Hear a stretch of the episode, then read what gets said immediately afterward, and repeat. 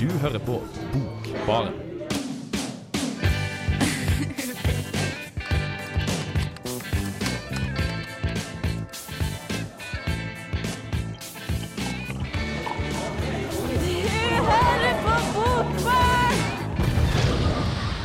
Det gjør du. Og velkommen til den mye omsnakka og ikke minst etterlengta festivalspesialen. Nummer to. Nummer to. Vi fra Bokbarn, altså meg, Eline, Idun, Vida og Kristine, var jo på Norsk litteraturfestival på Lillehammer i sommer. Eller Sigrid Undset-dagene, da, som de også kalles.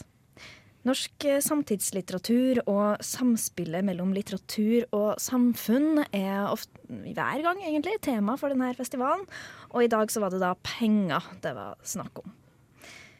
Denne eh, festivalen er jo Nor Nordens faktisk største litteraturfestival, og også et bransjetreff for kritikere, forlagsfolk, forfattere og nervøse debutanter.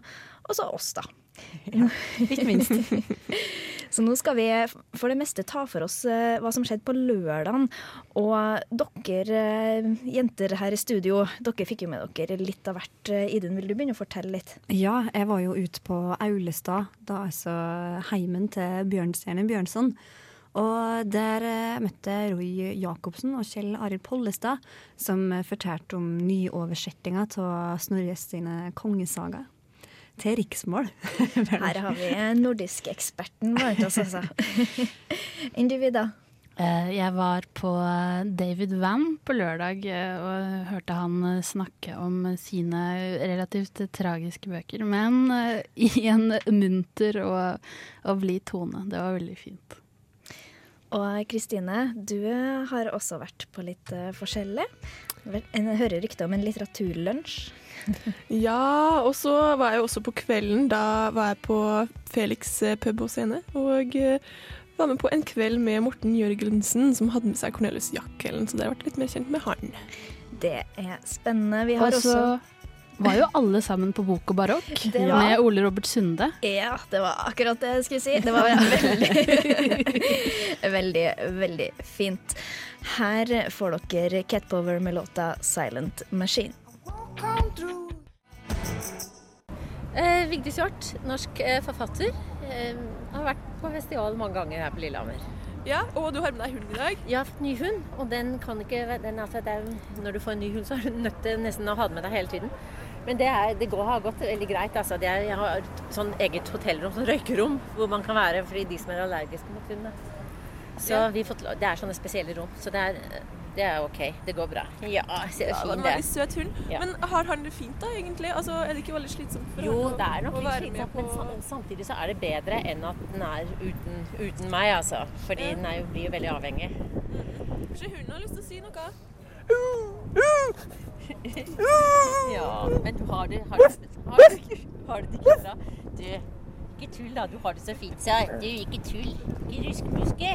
Du, du. Hvor lenge har du hatt den hunden her, da? Du, jeg har fått den bare for tre uker siden, så den er, den er jo en valp da. Du ser jo den er litt, eh, litt valpete, litt ikke helt ordentlig voksen. Så det er, og er det å oppdra den veldig sånn eh, det gjelder veldig sånn i begynnelsen å oppdra, veldig, være veldig konsekvent osv. Ja. Men jeg, jeg syns den er ganske bra. Jeg har hatt andre hunder som har vært mye verre, altså.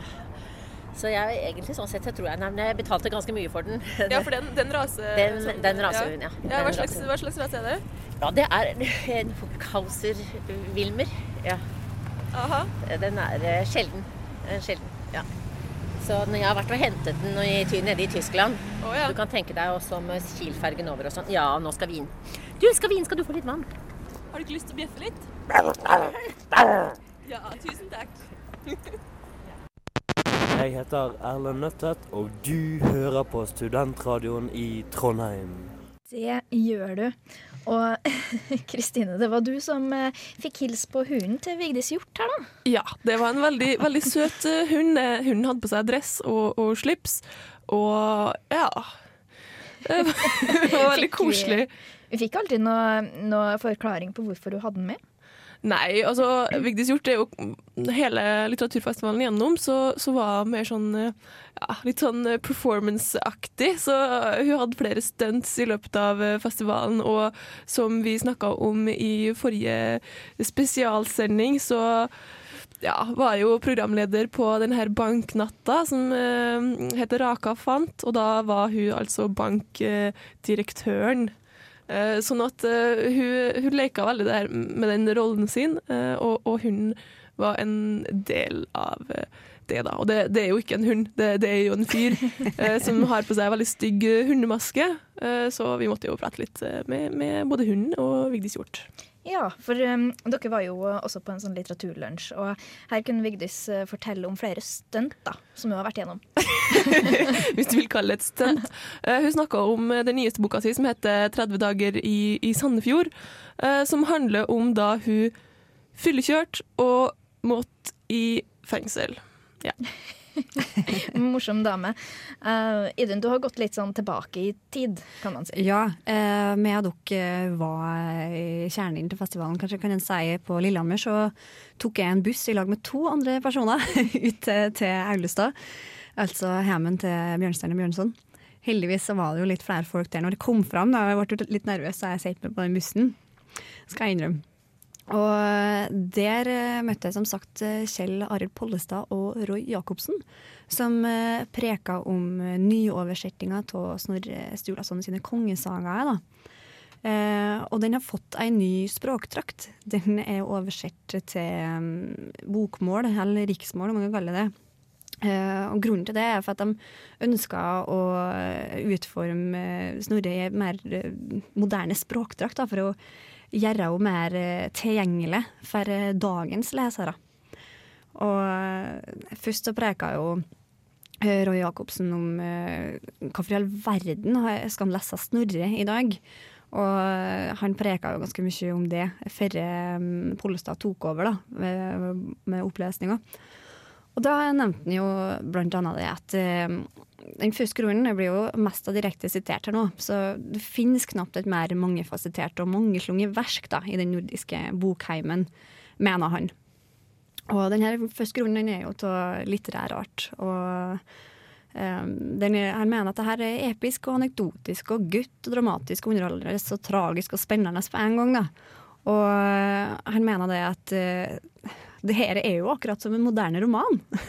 Eller enda mer, det er en moderne roman. Og derfor det, det er altså den første grunnen til at oss eh, bør lese Snorre òg i dag. Er du enig med den?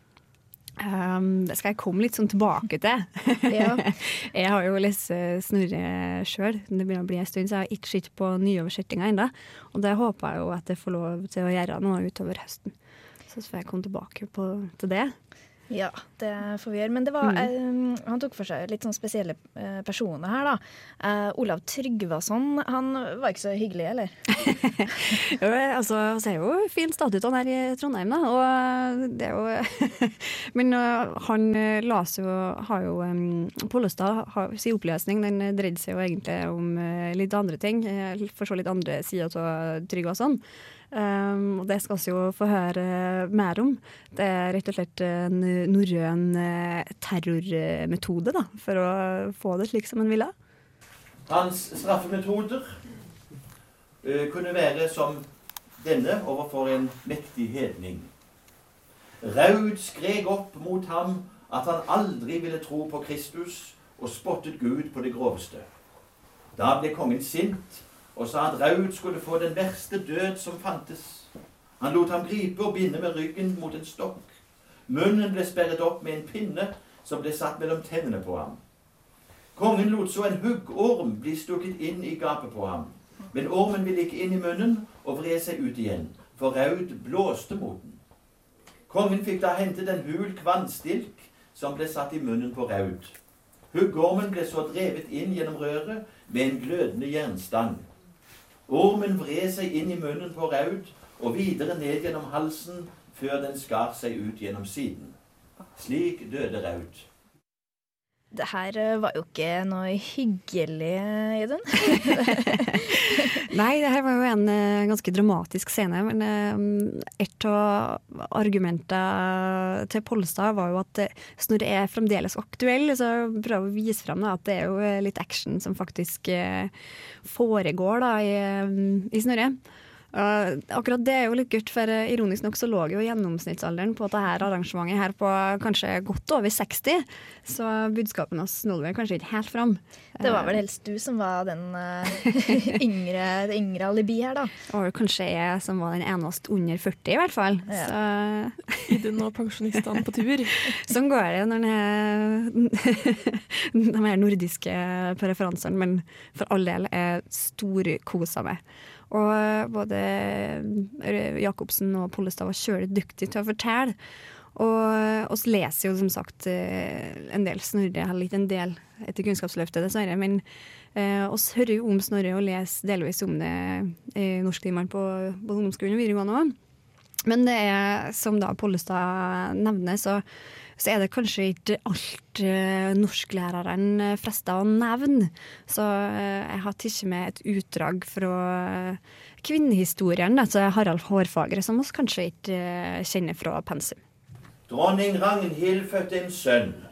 Det ble øst vann over ham, og han fikk navnet Harald. Han ble snart stor og usedvanlig vakker. Han ble dyktig i alle idretter og hadde en god forstand. Moren var meget glad i ham, men faren mindre. Her har vi i Halvdan Svartes saga så å si det psykiatriske utgangspunktet for ham som ble selve rikssamleren, Harald Hårfagre. Harald overtok kongedømmet etter sin far da han var ti år gammel. Han var større og sterkere enn andre, og vakker som få, handlekraftig og klok. Slik innleder Snorre hans saga. Vi har hørt mye om Harald Hårfagres kamper, så nå vil vi heller dvele litt ved hans kvinner, som var, må vi si, imponerende mange. Kong Harald sendte sine menn etter en pike som het Gyda, en datter av kong Eirik i Hordaland. Hun var til oppfostring hos en storbonde i Valdres. Kongen ville ha, ha henne til frille, for hun var meget vakker, men nokså stor på det. Da sendemennene kom til gården, la de frem sitt ærend for den unge piken. Hun svarte at hun ikke ville kaste bort møydommen sin på å ta en konge til mann som ikke hadde makt over mer enn noen fylker. Det er blitt kritisert av noen at de har brukt ordet pike istedenfor jente. Men til det har jeg det svar. Dette er for det første oversatt til riksmål. Og for det andre så er det i dag blitt vanlig at til og med gamle kjerringer på 60 år omtaler hverandre som jenter. Og da må jeg ty til pike for å betegne gamle sagamøyer. Men dermed samlet altså Harald hele Norge og fikk Gyda.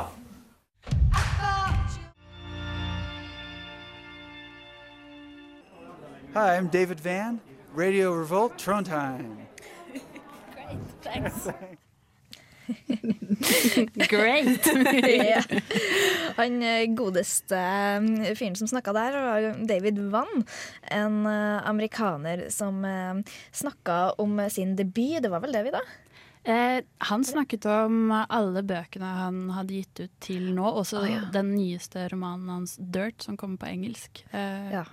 Gjorde han. Eh, men eh, han snakket eh, først og fremst mye om seg selv. Det er ganske interessant, for bøkene hans er jo ikke direkte selvbiografiske, men de handler om et landskap som er veldig kjent for han, og det er der han vokste opp, nemlig litt sånn eh, villmarken i Alaska. Du kan vel sikkert trekke litt sånn paralleller fra barndommen da, og, og hans uh, litterære karriere. Eh, ja, det, og det ville han veldig Han ville gjerne understreke det mye. Og han snakket og snakket og snakket, og det var liksom røverhistorie på røverhistorie om, om fisking og seilturer. Og stakkars Fredrik Vandrup, som intervjuet Van, som også ikke fremsto som den mest eh, knallharde i eh, kritiske spørsmål på det engelske språket. Han ble bare overkjørt, rett og slett. Fordi at eh, David Van har liksom, han hadde en veldig sånn varm fremtoning. Han smilte og lo uh, og, og formidlet på en veldig sånn god måte. Kanskje litt uvant når man er på litteraturfestival og ellers har, uh, som vi har snakket om før, litt sånn innadvendte kunstnersjeler som sitter og, og, og snakker til seg selv nærmest. Så, men David Van derimot, han, han var en formidler.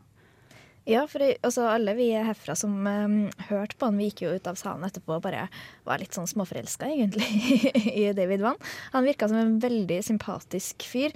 uh, spesielt da med at han fortalte om ganske sånn dramatiske ting. Han har jo vært gjennom litt av hvert. Ja, det var jo en interessant del av det. At han hele tiden liksom, han smilte og snakket med en sånn varm og litt blid stemme om et liv som uten tvil var eh, av de mer dramatiske. Altså det er mange selvmord i nær familie. Mye psykisk sykdom og, og økonomisk ruin hadde han vært igjennom. Altså i det hele tatt. Uh, men likevel så virket han sjarmerende. Men jeg ble jo da selvfølgelig interessert i å lese bøkene hans. Det prøvde jeg på i sommer, og den boken som jeg leste, begynte å lese på, var uh, um, Caribou Island Nei, Legend of Suicide var det jeg leste. Uh, og det var altså noe sånn ræl i starten av den boken. Så jeg, jeg orket ikke, rett og slett. Det var for tungt. Og det er kanskje fordi at det ikke er innenfor min uh, preferanseområde, akkurat den måten han skriver på. For det er liksom, litt sånn Hemingway, Annie Prolox, uh, den store amerikanske uh, myten da, som han driver og formidler. Men det var ikke noe for meg, dessverre. Men røverhistoriene som han fortalte på Lillehammer, de var helt supre. Og han har en uh, liten fortelling uh, som jeg har tatt med om da han var på fisketur og fisket storkveite, og det var altså Ja. La oss høre. So yeah, I was born on Adak Island, which is out in the Aleutian Islands, uh, just as they curve up toward Russia. And then I spent my childhood in Ketchikan in southeast Alaska.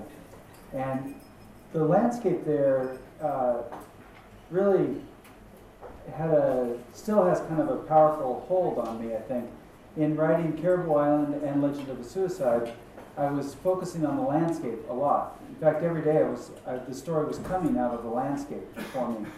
I, I think of of, uh, of landscape as, as a kind of blank page, almost like a Rorschach drawing, a, a place for the unconscious to fill.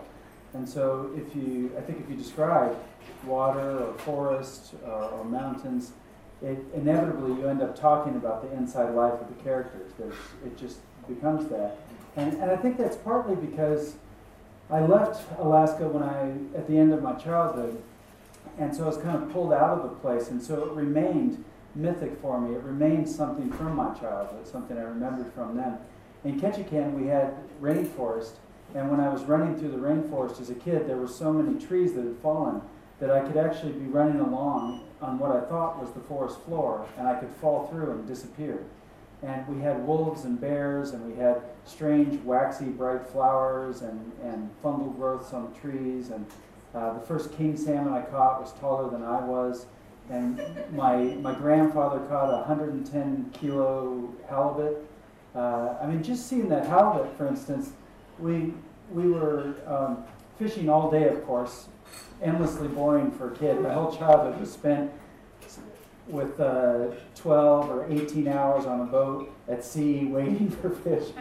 And uh, this halibut was so big and powerful, it could just clamp down to the bottom of the ocean, and my grandfather couldn't pull it up with the rod.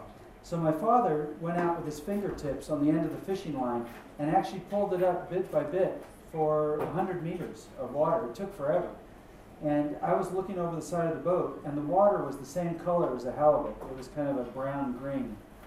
And so I saw sunspots, I imagined fish, I didn't see anything. And then finally I saw something very small, but it, it just uh, grew larger and larger and larger. And by the time it got to the surface, it really was impossible. It was just too big for my imagination. And, and, and this kind of beast, you know, this monster from the sea.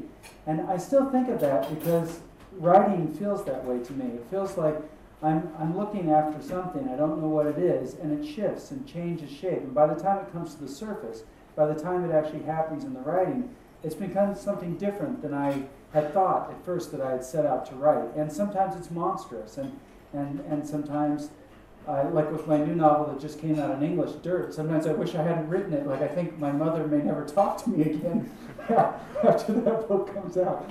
Uh, but but it's it's an encounter with mystery. I mean, what I love about writing is that that shape shifting, the the way it changes shape. So in Caribou Island, there's a moment late in the book where Irene is running through the forest and she feels like the earth is tilting under her feet, and that the island is too heavy on the top with all the rocks and trees, and the whole island's going to tip over, and the underside will be exposed to the sky.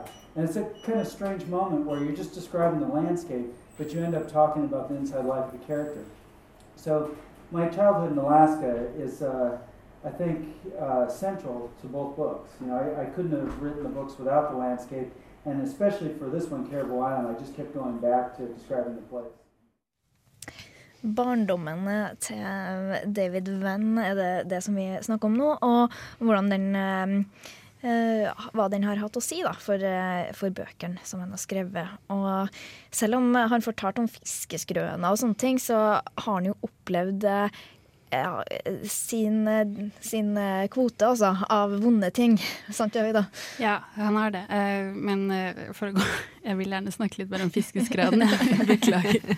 Men eh, de var jo ikke bare skrøner, for det vi akkurat hørte her nå, var en fortelling fra han var ute og fisket med faren sin, og hvordan de pleide å gjøre det i mange, mangfoldige timer, liksom. Være ute på havet på en liten båt.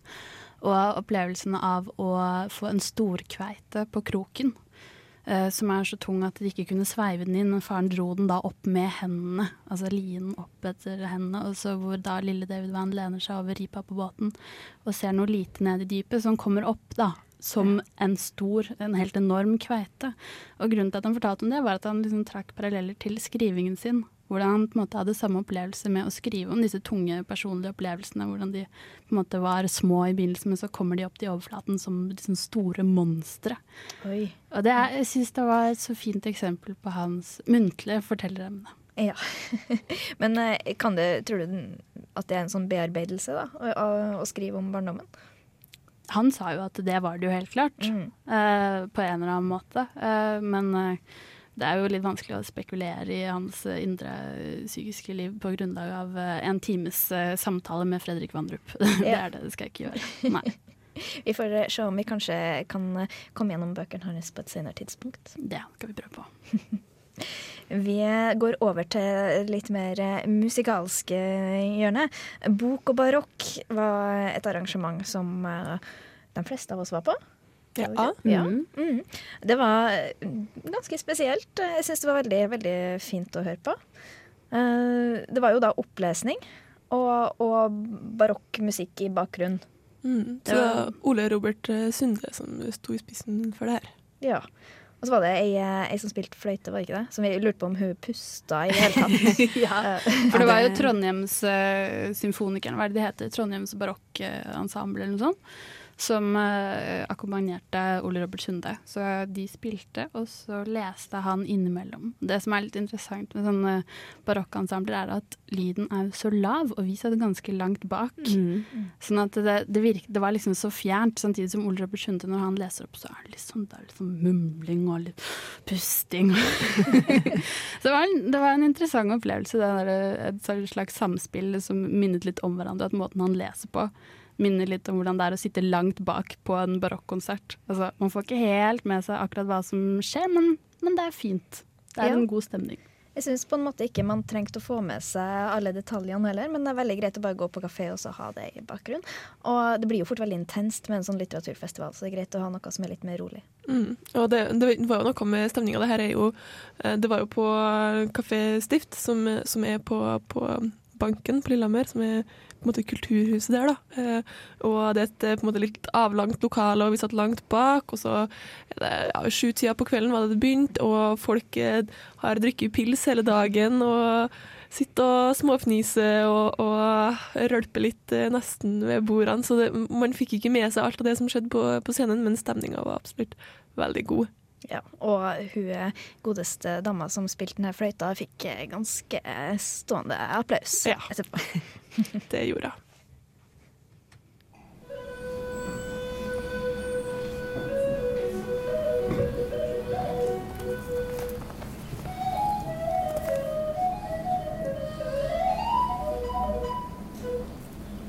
munnstykket til en fagott. Vi fikk ikke tak i en fagott, så vi måtte bruke den der fløyta her. Hvis jeg ser for dere en fagott, da. Det ligger en dobbel flis inni munnstykket til en fagott. Eller noe som for et utrent øye minner om en flis. Denne flisen blir kalt rødbladet og er innstukket i det lange, buete munnstykket. Det kunne vært som en krok, om ikke som en protese til en hånd eller en ødelagt kleshenger.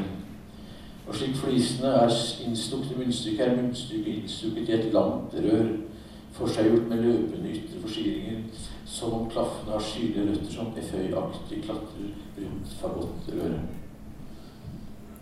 Sånn. Hvor mange meter må lyden passere før den farer ut av røret og deretter ut av rørbunningen høyt oppe som en pipe? En skipspipe for å annonsere at den bakker, eller at den kommer til en kai.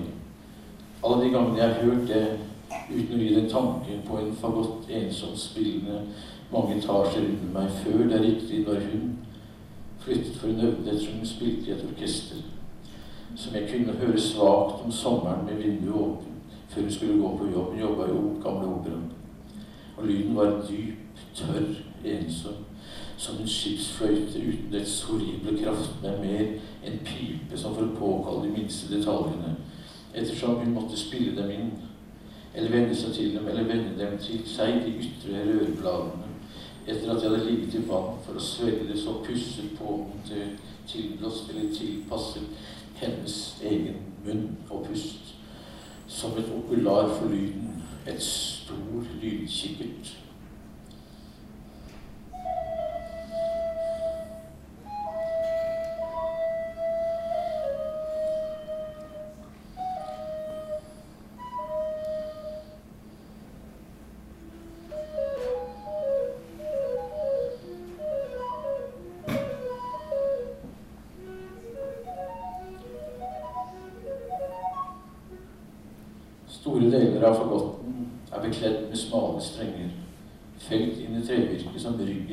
Til et fremmedverktøy og et arsenal for en finsnekker eller en usedvanlig rørlegger. Hvis ikke noe for en golfspiller og hans caddy der hvor golfballen forsvinner inn i villniset, og spilleren ber om noen som kan ligge på alle fire med en rask håndbevegelse slår ballen tilbake til grønnsværet. Om ikke murer som murer ornamenter for små hushold, hva med rørpiper som gjør at fagotten er vannavkjølt fordi instrumentet under musikantens konsentrerte musisering var varm og må avkjøles, ellers kunne de ta og ryke av den som fra en pipe. Disse klaffeforhengene er som proteser, fullstendig uoversiktlig som utdratt labyrint. De gjør den ikke mindre labyrintisk. Det er som gangjernet til alle eventyrenes dører. Der hvor hakkespetten har, kan samtale bo i en stamme, som om de har kommet forbi naturtilstanden og forflyttet seg over i bransjelandet.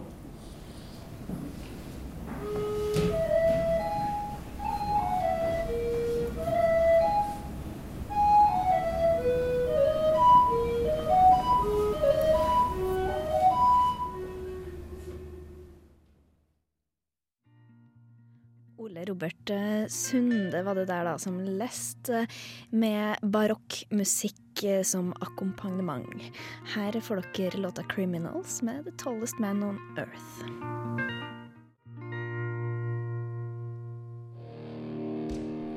Dette er Cornelius Jakkelen på litteraturfestivalen i Lillehammer. Jeg anbefaler at du leser deg gjennom bokbaren fra øverste hylle hele veien ned til nederste hylle. Vi skal bevege oss bort til en mørkbrun pub på Lillehammer. Og to gode herremenn som heter Christian Morten Jørgensen og Cornelius Jakkelen. Eh, De er jo ganske spesielle, kan man si. Det var jo fin påkledning, i hvert fall. Det var kanskje det første vi la merke til da vi kom eh, inn på eh, puben. Ja, men Cornelius Jakkelen han er jo en spesiell fyr. Han bor i Berlin, og så er han jo også sånn heavy metal-musiker. Eh, synge i, eller growle i, i solefall. Ja. Uh, og, og leke litt med den her militær... eh, Eller jaktstil, kan man si. da. Så, så Jeg husker på litteraturfestivalen i fjor, så dansa jeg disko med han. Og han, og han hadde på seg sånn, sånn Det så ut som han skulle på jakt. Ja. Og i år så var det liksom sånn beige, sånn, sånn militær uniformaktig eh, greier som, som eh, Ja. Det var sånn ECDC-pinn på, og det var liksom Ja. Med medaljer og slangeskinnsstøvletter med sånn gulltupp. Ja, det, det, dem hadde jeg faktisk glemt. Jeg har dem på netthinna ennå. Jeg holdt jo på å krasje med den da jeg skulle til baren, så ganske nærgående, kan man si. Ja, men, um, og han Morten Jørgensen er jo også en litt spesiell type. Han var mer sånn punkere da. Gammel Eh, knarker fra Ja. Oslo, altså skikkelig sånn her. Og, og han har skrevet noen bøker, da, og det var vel omtrent om hvordan det var å være ung og litt villig vill fletta på 70-tallet, tenker jeg. Og det var mye dop og liksom ja. Alt var elendig. Ja. Men eh, det virka jo Jeg syns jo Det er jo greit, men eh, alt det han leste opp, syns jeg hørtes likt ut. Og det er jo litt dumt, da, kanskje. At du, bare, at du er så snever. For han leste jo opp litt forskjellig. Han leste opp veldig mye. Ja, det, det var liksom eh, røverhistorie på røverhistorie som var veldig sånn litt identisk, på en måte. Som kjørte seg litt fast i, kanskje. Ja, for han tok jo liksom Han bare tok scenen han, etter at Jakkelen var ferdig med å snakke, og Morten Jørgensen bare fortsatte og fortsatte, og fortsatte. Alle var liksom litt klare for at nå, var det, nå skulle man drikke øl og snakke sammen, men, men nei da. Han ga seg ikke. Nei. Men eh, det, Kristine, vi må jo fortelle, du hadde jo Du snakka jo litt ekstra da med, med Jakkelen. Ja, men, men det var jo, det var jo etterpå. Eh, det var jo Etter etter alt det her. Ja. Uh, altså Først så, så var det jo eh, Morten Jørgensen som på en måte starta arrangement da, som het En kveld med Morten Jørgensen på Felix pub og scene. Og der hadde de stilt seg opp med øl og vin, og han sto jo der og, og sulla med sitt da, og fortalte litt eh, og sånn. Og så eh, ga han eh, ordet til Cornelius Jackelen, som, eh, som snakka litt om eh, 22. juli. Eh, og så prata han om boka si eh, 'Raseri', Ja. før han eh, leste eh, dikt. Og det er kanskje likt aller best av det Cornelius Jakkelen gjorde. Hvis jeg skal trekke fram noe som på en måte jeg var mest fornøyd med, da, så var det på en måte diktene han leste. De var, var litt eh, morsomme, men litt sår eh, på samme tid. Så jeg tror egentlig at eh, vi bare skal høre på dem. Jeg satt i Tel Aviv og måtte felle en tåre og tenke litt på Vågsbygd, hvor jeg kommer fra, et tettsted utenfor Kristiansand. Med egen svømmehall og barneskole, og nå har de jammen et pol også. Jeg gikk tolv år på skole i Vågsbygd, og ehm, det var vel ikke helt jeg som valgte hvor jeg ble født. Eh, jeg ville nok heller gått på skole i Tel Aviv. Så derfor har jeg skrevet et dikt som heter 'Vågsbygd og Tel Aviv drøfting'. Ja, dette er eh, høgnorsk, altså en konservativ variant av nynorsk, som jeg syns er gøy å skrive. Jeg liker klangen. Skilnad og likskap. Det er et stykke fra Vågsbygd til Tel Aviv. Hav hev en båestad. Kjøpesenter hev en båestad. Born hev en båestad. I Vågsbygd hev de Kirsten Flagstads veg. I Tel Aviv hev de Shlomo Hameler. Fra Vågsbygd er det beinveien til Søgne. Fra Tel Aviv tek det 50 minutter med buss til Jerusalem. Kirkjur hev ein båe stad. Tre hev ein båe stad. Fotball hev ein båe stad. Lesebriller hev ein båe stad. I Vågsbygd hev de smerte. I Tel Aviv hev de smerte. Tel Aviv rimer på liv. Vågsbygd rimer på trygd.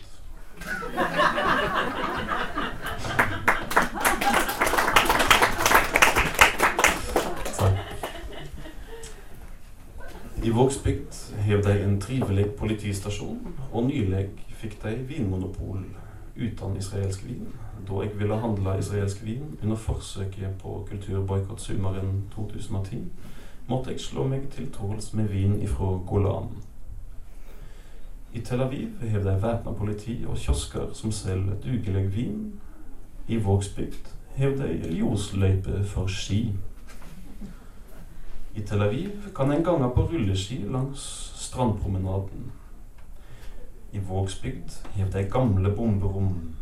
I Tel Aviv hev de nyere bomberom. I Vågsbygd hev de nye nazister. I Tel Aviv hev de gamle holocaust-overlevende. Det var drøfting. Så um, jeg har tilbrakt mer tid i Vågsbygd enn Tel Aviv, men uh, vi får se hva, hvordan det vil gå videre. Jeg skal avslutte med et dikt satt til en, um, et bilde av Mordechai Aron, som har dekorert biblioteket i Nasjonalbiblioteket i Jerusalem. At the gates of Jerusalem.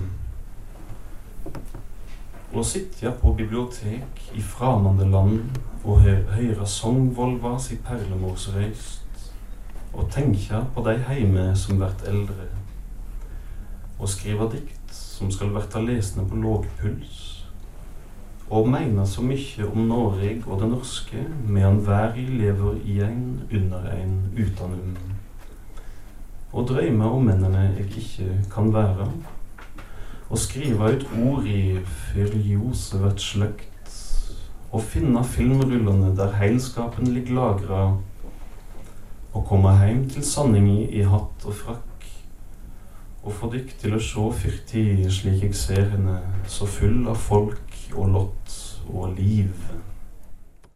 Eh, ja, jeg heter Dag Solstad, og dere hører nå på Bokbaren, og der er altså jeg. det, det, var han, ja. Eh, det var jo eh, en kveld tidligere på festivalen at nettopp Dag Solstad var på, på Felix pub og scene, han òg. Og da hadde han blitt invitert av, av Klassekampen til å prate. Han var litt snurt, da, fordi at det ikke var festivalen sjøl som hadde invitert han. Da. Han mente at han sjøl hadde blitt litt for avleggs, kanskje. mm. Han har sikkert vært på selve festivalen før, kan jeg tenke meg. Ja, jeg var på opplesninga hans i, ja, for to år siden, og da han prater jo ikke om det han sier han skal prate om, og det, det er mye surr, altså. Så, men han er jo en figur, da.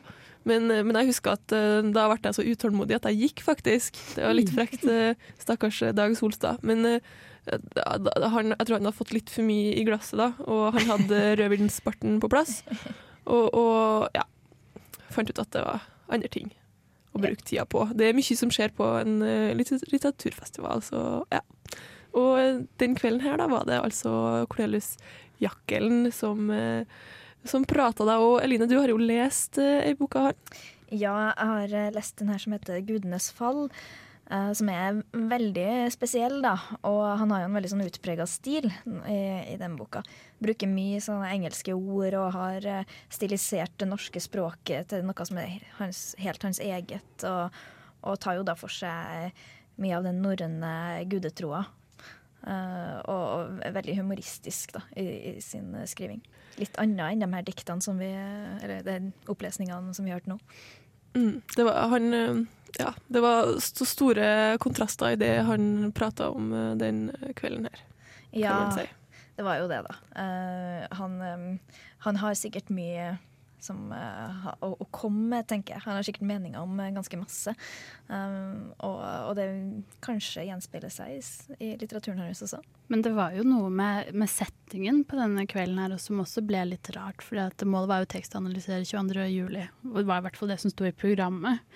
Men det å gjøre det på en litt sånn bråkete, litt brun Lillehammer-pub var kanskje ikke det lureste. Eh, det var kanskje noe også poenget, da, i og med at Morten Jørgensen, den gamle Oslo-knarkeren, var eh, på en måte eh, dagens vert. Men, men det forsvant altså Hvis det var et slags budskap der, så forsvant jo litt bak liksom ølklirring og, og generelt bråk, da.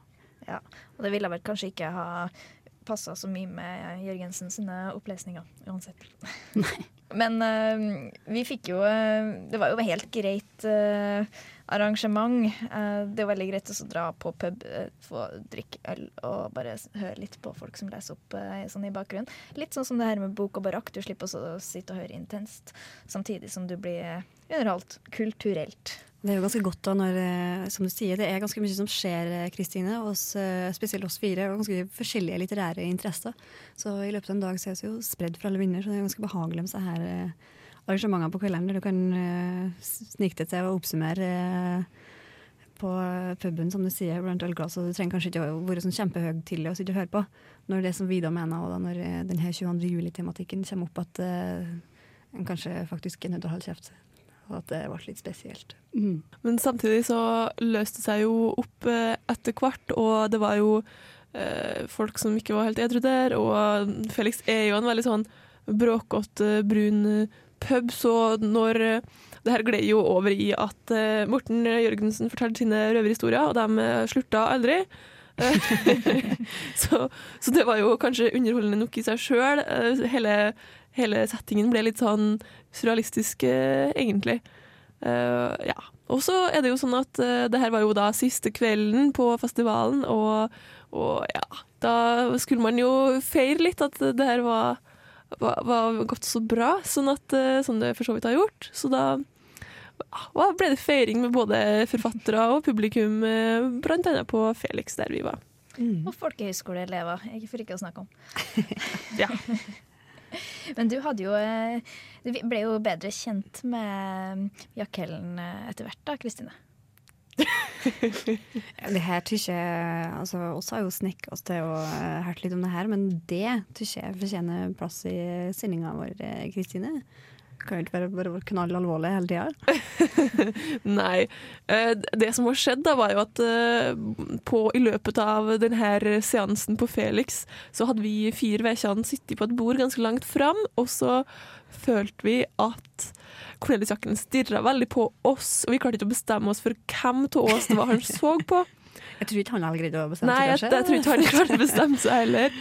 Så, så det, det var Det liksom ble en veldig spesiell eh, stemning, veldig rar sånn setting for oss som satt der, da. Og satt vi langt fram, så vi kunne gå, og så ville jeg jo være der og høre på. Så det, var- det, var helt, eh, det var ikke helt greit. Og senere på kvelden da, så hadde vi kommet tilbake til Felix etter å ha vært eh, og spist middag, og da eh, satt jo Cornelis Jakkelen på nabobordet. eh, og så ble jeg sjekka opp av en lokal lillehamring med dårlig ånde. Eh, og det, det tror jeg han Cornelis Jakkelen så, da, så han kom for å redde meg. Og, og da var jeg jo fanga, da, så da, da slapp ikke jeg unna han heller. Da. Så, men jeg ble ikke med på nachspiel. Men du fikk invitasjon. Ja. Se hvordan det går eh, neste år, med andre ord.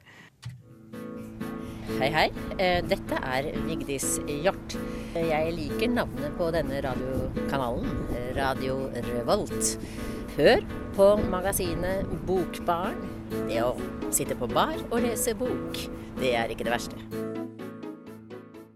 Vi nærmer oss eh, slutten på denne festivalspesialsendinga. Og denne sendinga er produsert med støtte fra Medietilsynets tilskuddordning for lokalkringkasting. Vi tar eh, en oppsummering av hva som har vært festivalens høydepunkt. Idun, har du lyst til å begynne? Ja, jeg og du var jo eh, på eh, ei forestilling som eh, vi preka om forrige sending, 'Brennende nesler'. Der vi annet fikk se eh, hvordan det da potensielt kunne se ut eh, da Hulda Garborg invitert til torsdagsklubb. Og der var jo eh, også vår kjære eks nå, kulturminister. Ja, da Anniken Huitfeldt kosa seg stort, og det var egentlig like underholdende å sitte og se på henne som det var på selve forestillinga. Mer om det kan du se på nettsaken vår på radiovolt.no slash bokbarn. Um, som jeg tidligere har nevnt i sendinga, så um, var jeg jo på Aulestad òg, og fikk med meg Pollestad og Jacobsen om nyoversettinga av Snorre sine kongesanger. Det vil jeg absolutt uh, kalle et av høydepunktene. Ja. Jeg fikk vel følelsen eh, da, da jeg var på Lillehammer at på måte, høydepunktene de bare fløy forbi uten at jeg fikk de med meg. For det er så utrolig mye som skjer. Blant annet eh, noe du var på, Line, med Adonis, eh, som jeg på en måte drømte om å, å, å få med, men så gikk det ikke. Eh, men jeg fikk nå vært med på en del morsomt. Eh, David Van, å høre han snakke, var eh, en fin opplevelse. Eh, det var morsomt å få innblikk i et forfatterskap som jeg ikke kjente fra før av, direkte fra forfatteren. Eh, så det var bra. Eh, og Bok og bråk med Ole og Robert Sunde var også veldig fint. Det er en sånn god kombinasjon av musikk og lyrikk som jeg er veldig veldig glad i, eh, og som kom litt uventet. Så eh, stort sett så ble jeg veldig fornøyd, altså. Mm. jeg var jo på det her med, med, med Adonis i samtale med Amal Wahab, eh, og det var veldig fint. Det var spennende å få høre på. Da. Han prata jo arabisk, så det var jo lange perioder hvor man ikke skjønte noen ting. Men det var å holde ut. Eh, og så var det kanskje det her ja, hovedarrangementet, nesten, kan man si. Det var Banknatta eh, på fredagen med, ja, som het Raka fant, hvor det var forfattere som prata om sitt eh, forhold til penger. Og den store stjerna der var Agnes Ravatn, det må jeg si. Hun var hysterisk morsom. morsom. Eh, mm. Så var det Øyvind Berg og Ture Erik Lund. Eh, akkompagnert av eh, da, Vigdis Hjort, som da var bankdirektør, og, ja, og ordna alt sammen. Så det var artig. Ja, det var det absolutt. Med påfølgende quiz, eller var det dagen før, kanskje? Den var også eh, ganske Ja, vi var jo med på den her litteraturquizen som arrangeres, og vi kan jo røpe at det kanskje ikke gikk det, det var ikke vi som gjorde det best, det var det ikke. Så var det ganske mange kvalifiserte der, da. Det kan vi også si. Mm. Jeg syns det var veldig artig å se Kristoffer Juel Larsen, som jeg har hatt som eh, foreleser på eh, Dragvoll. For han er jo NTNU-stipendiat eh, på Institutt for nordistikk og litteraturvitenskap. Og han snakka jo da om stem, eller lyden av litterær autoritet. Og det er jo litt sånn som vi holder på med nå, snakke om litteratur på radio. Uh, håper at vi er like flinke som mange av de eksemplene han kom med. Kanskje. Han er i hvert fall uh, veldig dyktig sjøl, og veldig artig også å se på. En uh, spesiell opplevelse var jo også det her med uh, lekenhet opp mot alvor av Sean Tenn og filmskaperen Anita Killi. som jeg hadde gleda meg veldig til, men som vi vet, så var gjennomføringa så som så. Men innholdet er likevel veldig, veldig bra, og det var artig artig bare det å få møte spesielt Sean Tenn, da, som jeg syns uh, kanskje er flinkest og mest interessert i. Uh, bare det å få, få sett den og hørt den snakke, det er veldig, veldig bra. Alt i alt så syns jeg det har vært en veldig fin uh, litteraturfestival. Vi har jo hatt litt på søndagen òg. Da var det Christian Krogh som med en utstilling da, av hans bilder? Ja, den heter da Christian Kroghs scenekunst. For eh, de siste 25 åra av karrieren hans er ikke så belyst, så kanskje det har vært tidligere. Så da jeg fikk vi se bilder mm, Ja, det var mye portrett og sjøbilder. Eh, Kristine hang seg opp i. Og det, nå slet jo litt, for eh, det var jo ganske folksomt på den her. Ja, men uh, som Idun var vant med fra før, så det mye pensjonister, og så oss, da. Så ja, nei, det var hyggelig, det. Veldig, veldig fine bilder. Dessverre ikke så enkelt å få med seg hva som ble sagt uh, hele tida. Men uh, verdt det også, selv om man er fullsjuk. Ja, og den her henger altså til ut i oktober, så det er bare å veie å se for uh, dere som er i nærheten og kanskje ikke har fått det med dere ennå. Absolutt. En anbefaling der fra Idun Fivelstad, som har vært med oss i dag. Vida Sundset Berenna har også vært her, og Kristine Bangstad Fredriksen har både vært tekniker og snakka på lufta. Gratulerer, det har vært kjempebra. Jeg heter Line Bjerkan, og i bakgrunnen her så får dere høre låta 'Sweet Talk' med Jesse Ware. Vi håper dere har lyst, eller fått smaken på Norsk litteraturfestival.